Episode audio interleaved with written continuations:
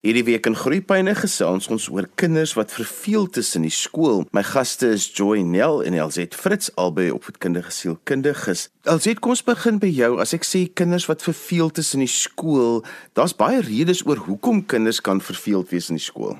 Hallo Johan, Joy en die luisteraars. Daar's inderdaad 'n magtom redes hoekom hulle kan verveeld wees. So ek dink dit is belangrik dat ons 'n onderskeid tref tussen wie is my begaafde kind en wie is my hardwerkende kind en my kind wat maar net verveeld is.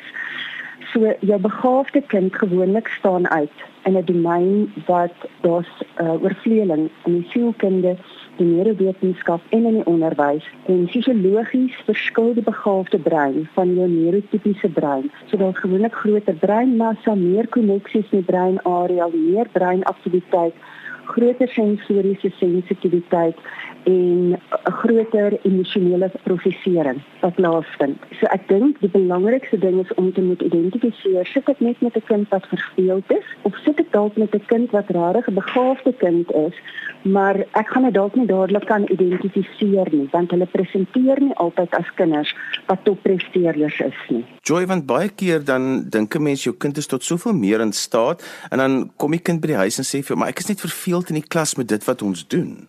Ja Johan, goeiemôre aan jou en Elzet en al die luisteraars. Ek dink dit is seker een van die grootste bekommernisse waarmee ouers sit gewoonlik is is die kinders wat by die huis kom en dan sê maar verstaan ek het nou niks geleer in die skool vandag nie of ons het net weer dieselfde ding gedoen. En ek dink dit is een van die grootste bekommernisse waarmee ouers en onderwysers sit is wat doen ons met daai kinders? Weet die realiteit is dat in 'n skoolsituasie sit 'n mens met 'n kurrikulum waardeur jy moet kom maar dan baie ons begaafde kind um dit veral vir ons soos wat LZ beskryf het ook ons begaafde kind wat meer nodig het op die einde van die dag hulle raak verveeld omdat hulle vind daar's baie van 'n herhaling van die werk wat plaasvind en dat daar niks nuuts is wat hulle leer nie. Of daar's geen um vaardighede wat aangevul word in die klas nie behalwe net die repetisie van elke elke dag om nie dieselfde ding te leer.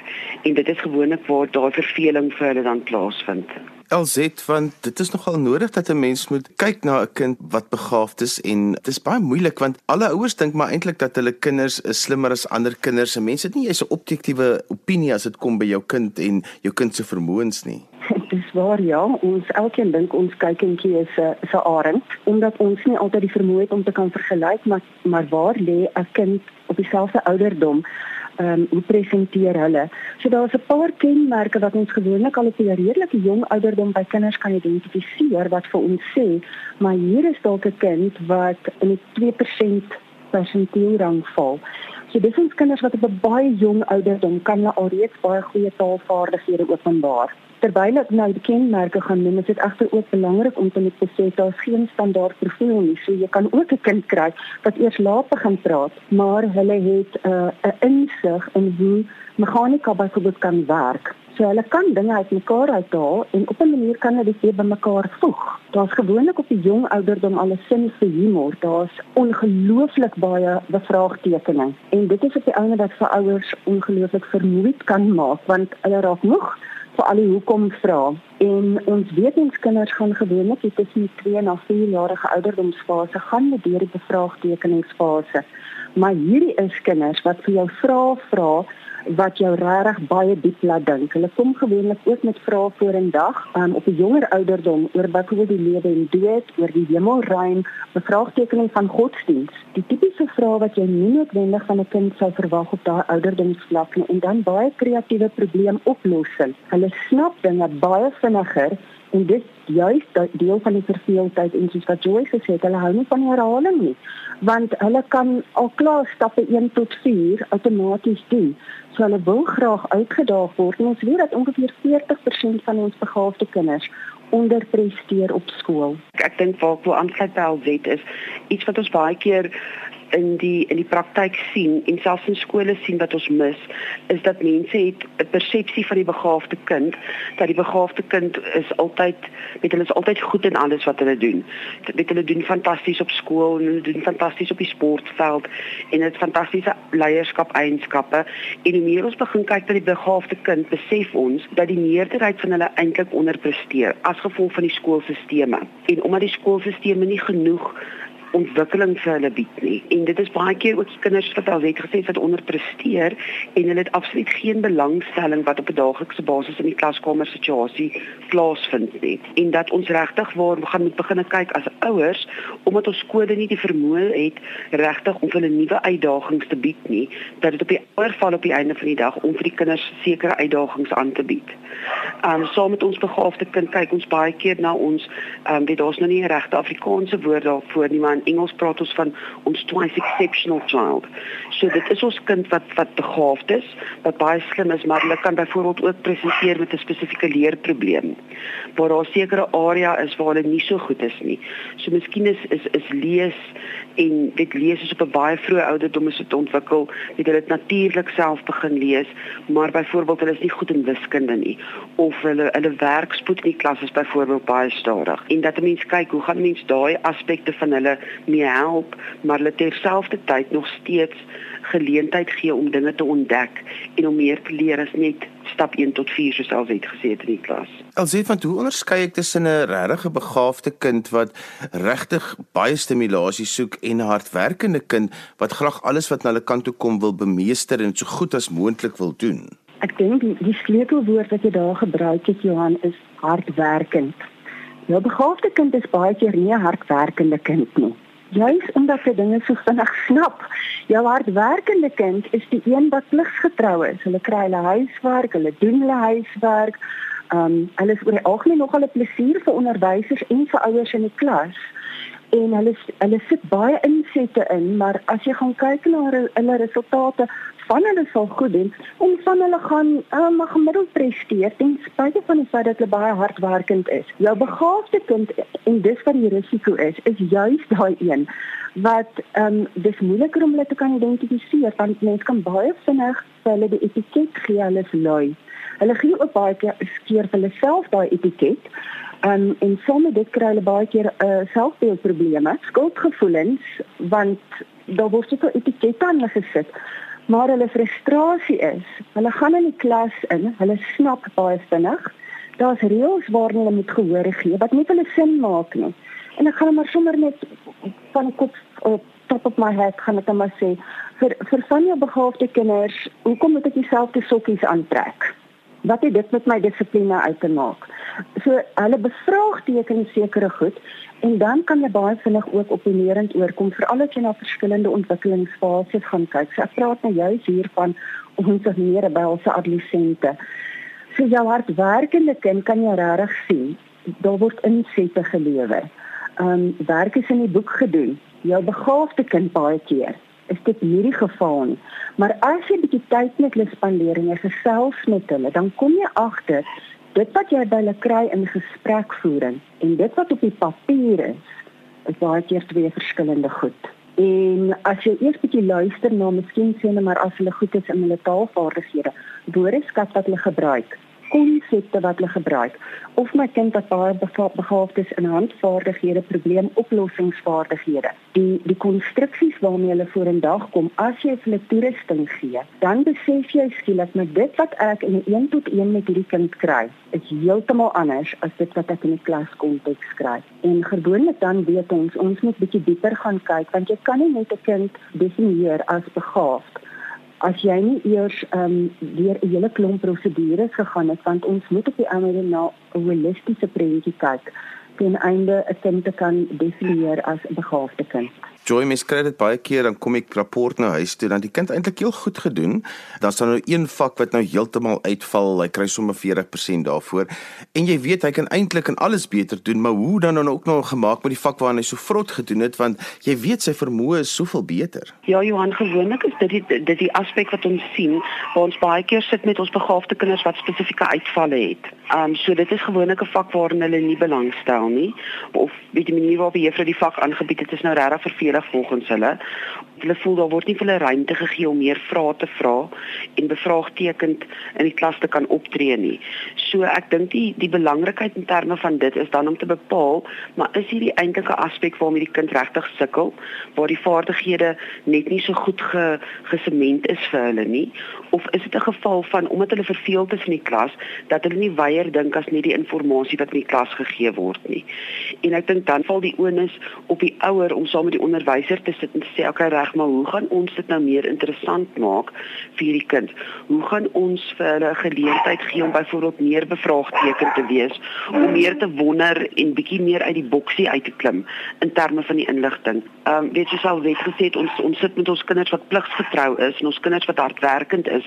Die groot verskil tussen daai kind en 'n begaafde kind is ons ons hardwerkende kind wil in 'n boksie inpas ons begaafde kind wil nie in daai boksie inpas nie. Hulle wil uitstaan, hulle wil anders wees. Hulle wil op 'n ander manier te werk gaan met inligting as as ons hardwerkende kind. En en dat 'n mens die ruimte daarvoor vir hulle skep in 'n klaskamer situasie om te sê reg, jy wil dit op 'n ander manier doen. So so gaan vind 'n ander manier om dit te doen en kom kom dan terug met die inligting en deel dit dan met my en deel dit met die res van die klas.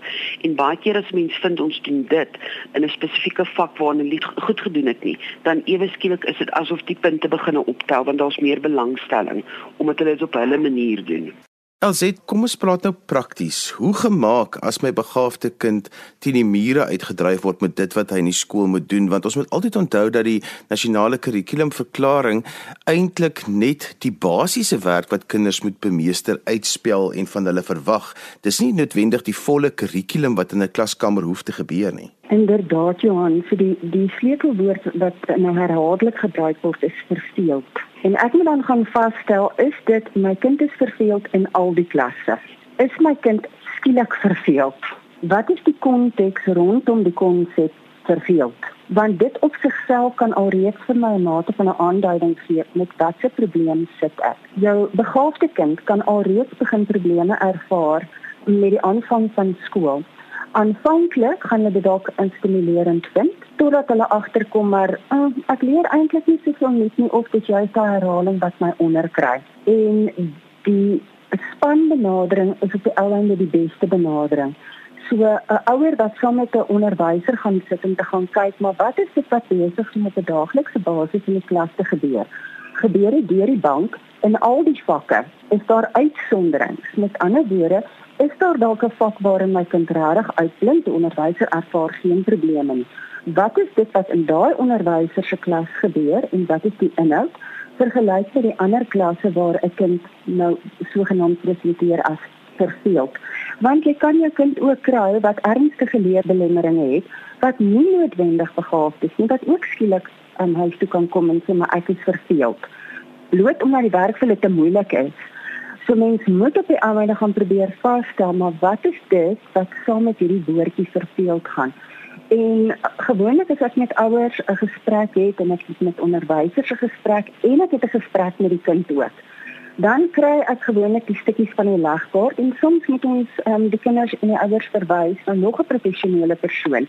Byvoorbeeld 'n arbeidsterapeut of 'n spraakterapeut As ons agterkom maar miskien is daar 'n addisionele leerbelemmering soos wat Joy nou na verwys het, want dit kan in wiskunde presenteer, dit kan in die lees of in die spelling of in die skryfdomein presenteer. Hoe meer volledige beeld ons kan kry, hoe beter het ons 'n idee van wat is besig om aan te gaan met hierdie kind. En kan ons die lewe makliker maak op die ouende vir die kind? Vir onsself as ouer want ons kan later die heeltyd met hierdie kind in konflik wees en dit deel van die die probleme wat die kind dan begin ervaar van lae selfbeeld.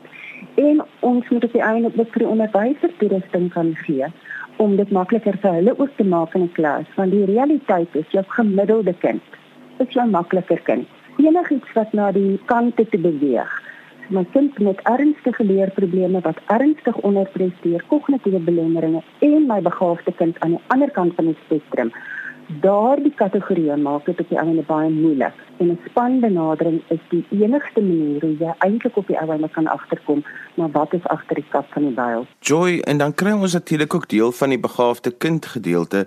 Kry mens kinders wat um, op die autisme spektrum is maar op die hoogfunksionele kant wat um, Asperger sindroom het waar hulle weer begaafd is in 'n baie spesifieke area, maar nie noodwendig altyd die sosiale vaardighede het om dan eintlik te funksioneer binne in 'n sosiale konteks nie, maar hulle word ook as baie keer begaafd geklassifiseer. Johan, dit is reg en ek dink dit is gewoonlik ons kinders wat die die moeilikste is om mee te werk in 'n skool opset, omdat oor die algemeen is hulle die kinders wat die meeste wys dat hulle verveeld is met sekere inligting wat gedeel word, omdat ons weet hulle is hulle, hulle is regtig hoogs begaafd en dit is nou tipies waarna ek vroeër verwys het as ons ons ons klassifiseer hulle as 'n twice exceptional kind.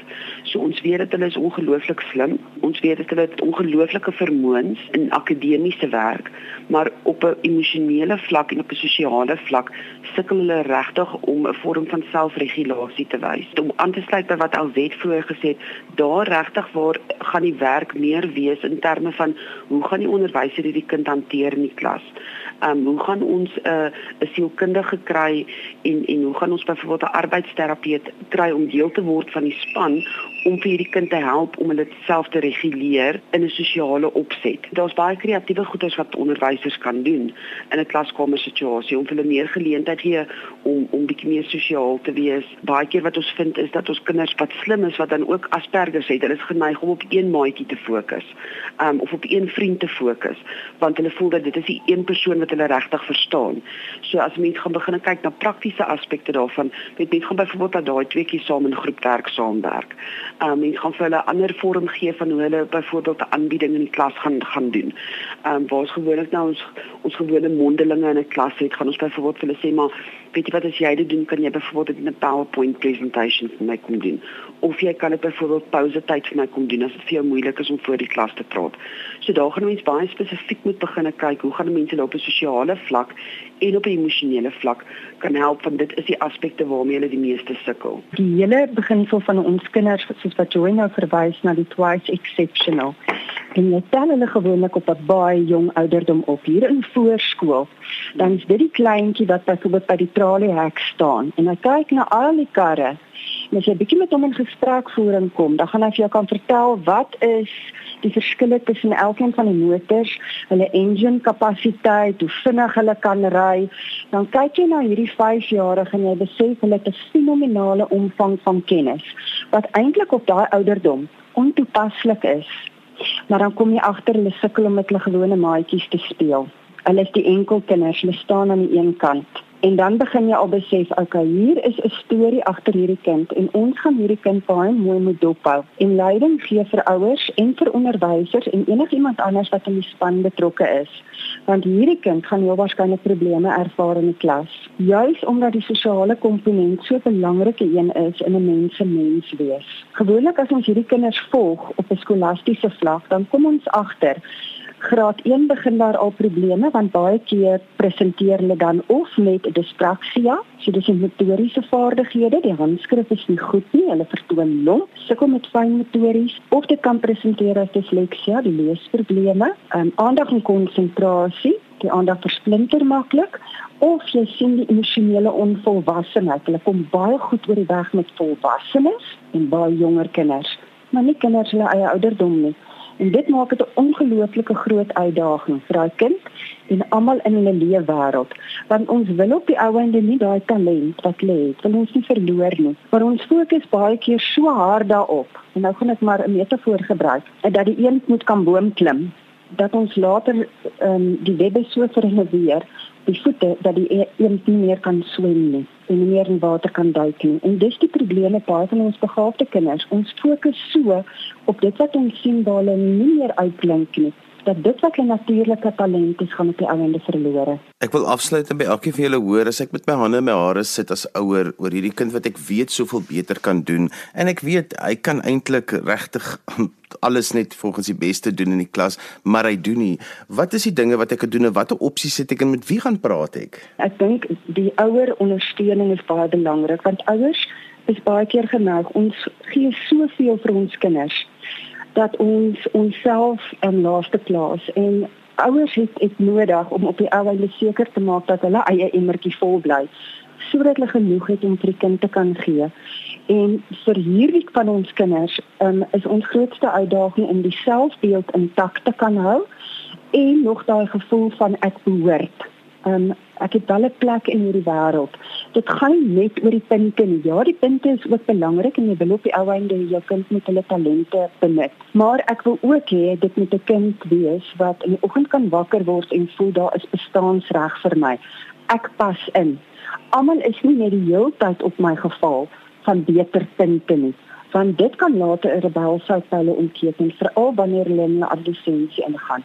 En dan onttrek hulle so nommer 1 as ouers, kyk na jouself, kyk na jou eggenoot of die ander party want jou kind is 'n kombinasie van die twee. En gewoonlik dan het ons al 'n bietjie van 'n idee van, okay, ek is nogal ook soos my kind of miskien is dit die ander ouer en ehm um, dis die slaggate waarin ons geval het in ons eie ontwikkeling en wat so ons eie lewe vir ons makliker gemaak het en dan deur eens kry ondersteuning. Johan, ek dink die belangrike ding wat Alsie daar gesê het waar ek graag wil aansluit is dat mense moet onthou wanneer ons gaan begin kyk na ons begaafde kind, daar gaan altyd een van die ouers wees wat presies dieselfde gaan presenteer. Dit is op die einde van die dag is dit wel genetiese aspek waarna ons kyk. En ek dink baie keer dat 'n mens weet dat 'n mens in 'n span saamwerk met daai ouers spesifiek en vir daai ouers sê maar reg, kom ons kyk hoe het jy gevaar op skool? Kom ons kyk wat het met jou gebeur op skool? Wat was vir jou maklik, wat was nie vir jou maklik nie? En en en basies gaan jou kind amper sukkel met presies dieselfde aspekte. So so wat kan ons doen as 'n span saam om om te bepaal hoe gaan ons verder aanbeweeg met hierdie kind? Hoe gaan ons die lewe makliker maak vir hierdie kind en meer um geleenthede skep. Weet daar's daar's wonderlike goed daar buite wat kinders kan doen en dat mense nie noodwendig net die fokus die hele tyd op skool en skoolwerk plaas nie. Want skool en skoolwerk is nie noodwendig wat hierdie kinders suksesvol gaan maak in die lewe nie. Die manier hoe hulle dink oor die wêreld, die manier hoe hulle dinge op 'n ander manier verstaan, dit is wat hulle suksesvol gaan maak. En dat mense genoeg geleenthede gee vir hulle om om verder te kan dink en verder te kan doen as net skoolwerk op die einde van die dag. Joy as mense met jou verder wil gesels, jy het ook 'n privaat praktyk, maar jy het ook 'n skooltjie wat 'n tuiste gee vir kinders wat regtig begaafd is? Ja, so ehm um, ek het 'n skooltjie waar ons kyk na veral ons kleintjies, uh, 'n uh, kleuterskooltjie wat kyk na begaafde kinders van die ouderdom van 6 maande tot en met 6 jaar. En dit daar kyk ons baie spesifiek na meer ons sosiale vaardighede, emosionele vaardighede en dan om hulle genoegsame akademiese werk te gee om om seker te maak dat hulle geïnteresseerd bly. En en en die fokus baie is nie op op herhaling van dieselfde werk nie, maar op die ander manier doen van werk en en om om om nuwe geleenthede daar te stel om te sê maar ons kan inligting op op verskillende maniere kan ons kan ons inligting bymekaar maak. Ek dink die belangrike ding is dat sodra mens begin wonder oor jou kind en sodra mens begin vra vra oor maar weet jy het hierdie kind miskien spesifieke vaardighede wat ek kan sien ander kinders nie het nie, dat mens baie vroeg intree. En en een van die goeders wat mens gaan doen is dat mens goed man, mens gaan moet bepaal deur 'n assessering, ehm um, weet op watter IQ vlak die kind lê en watter vaardighede ontwikkel moet word en watter vaardighede hulle miskien mee sukkel en dan 'n profiel opstel in terme van dit en sê want dit is die roete wat ons vorentoe gaan met hierdie kind. So as mense met jou wil kontak maak, gee dan vir ons 'n kontakbesonderhede of 'n webtuiste. So die beste manier om kontak te maak is maar op my selfoonnommer wat my praktyknommer is en dit is 083 234 3271. En so gesels Joy Nel, LZ Fritz, hoe kan mense met jou verder gesels? Johan, jy kan my kontak op uh, E L Z E F R I T Z syfertjie 1 @gmail.com. En daarmee het ons gekom aan die einde van vandag se groeipyne. Ons het gesels oor kinders wat verveel tussen die klas en veral gefokus op hardwerkende en begaafde kinders. Skryf vir my e-pos by groeipyne@rsg.co.za. Dan groet ek dan vir vandag tot volgende week van my Johan van Lille. Totsiens.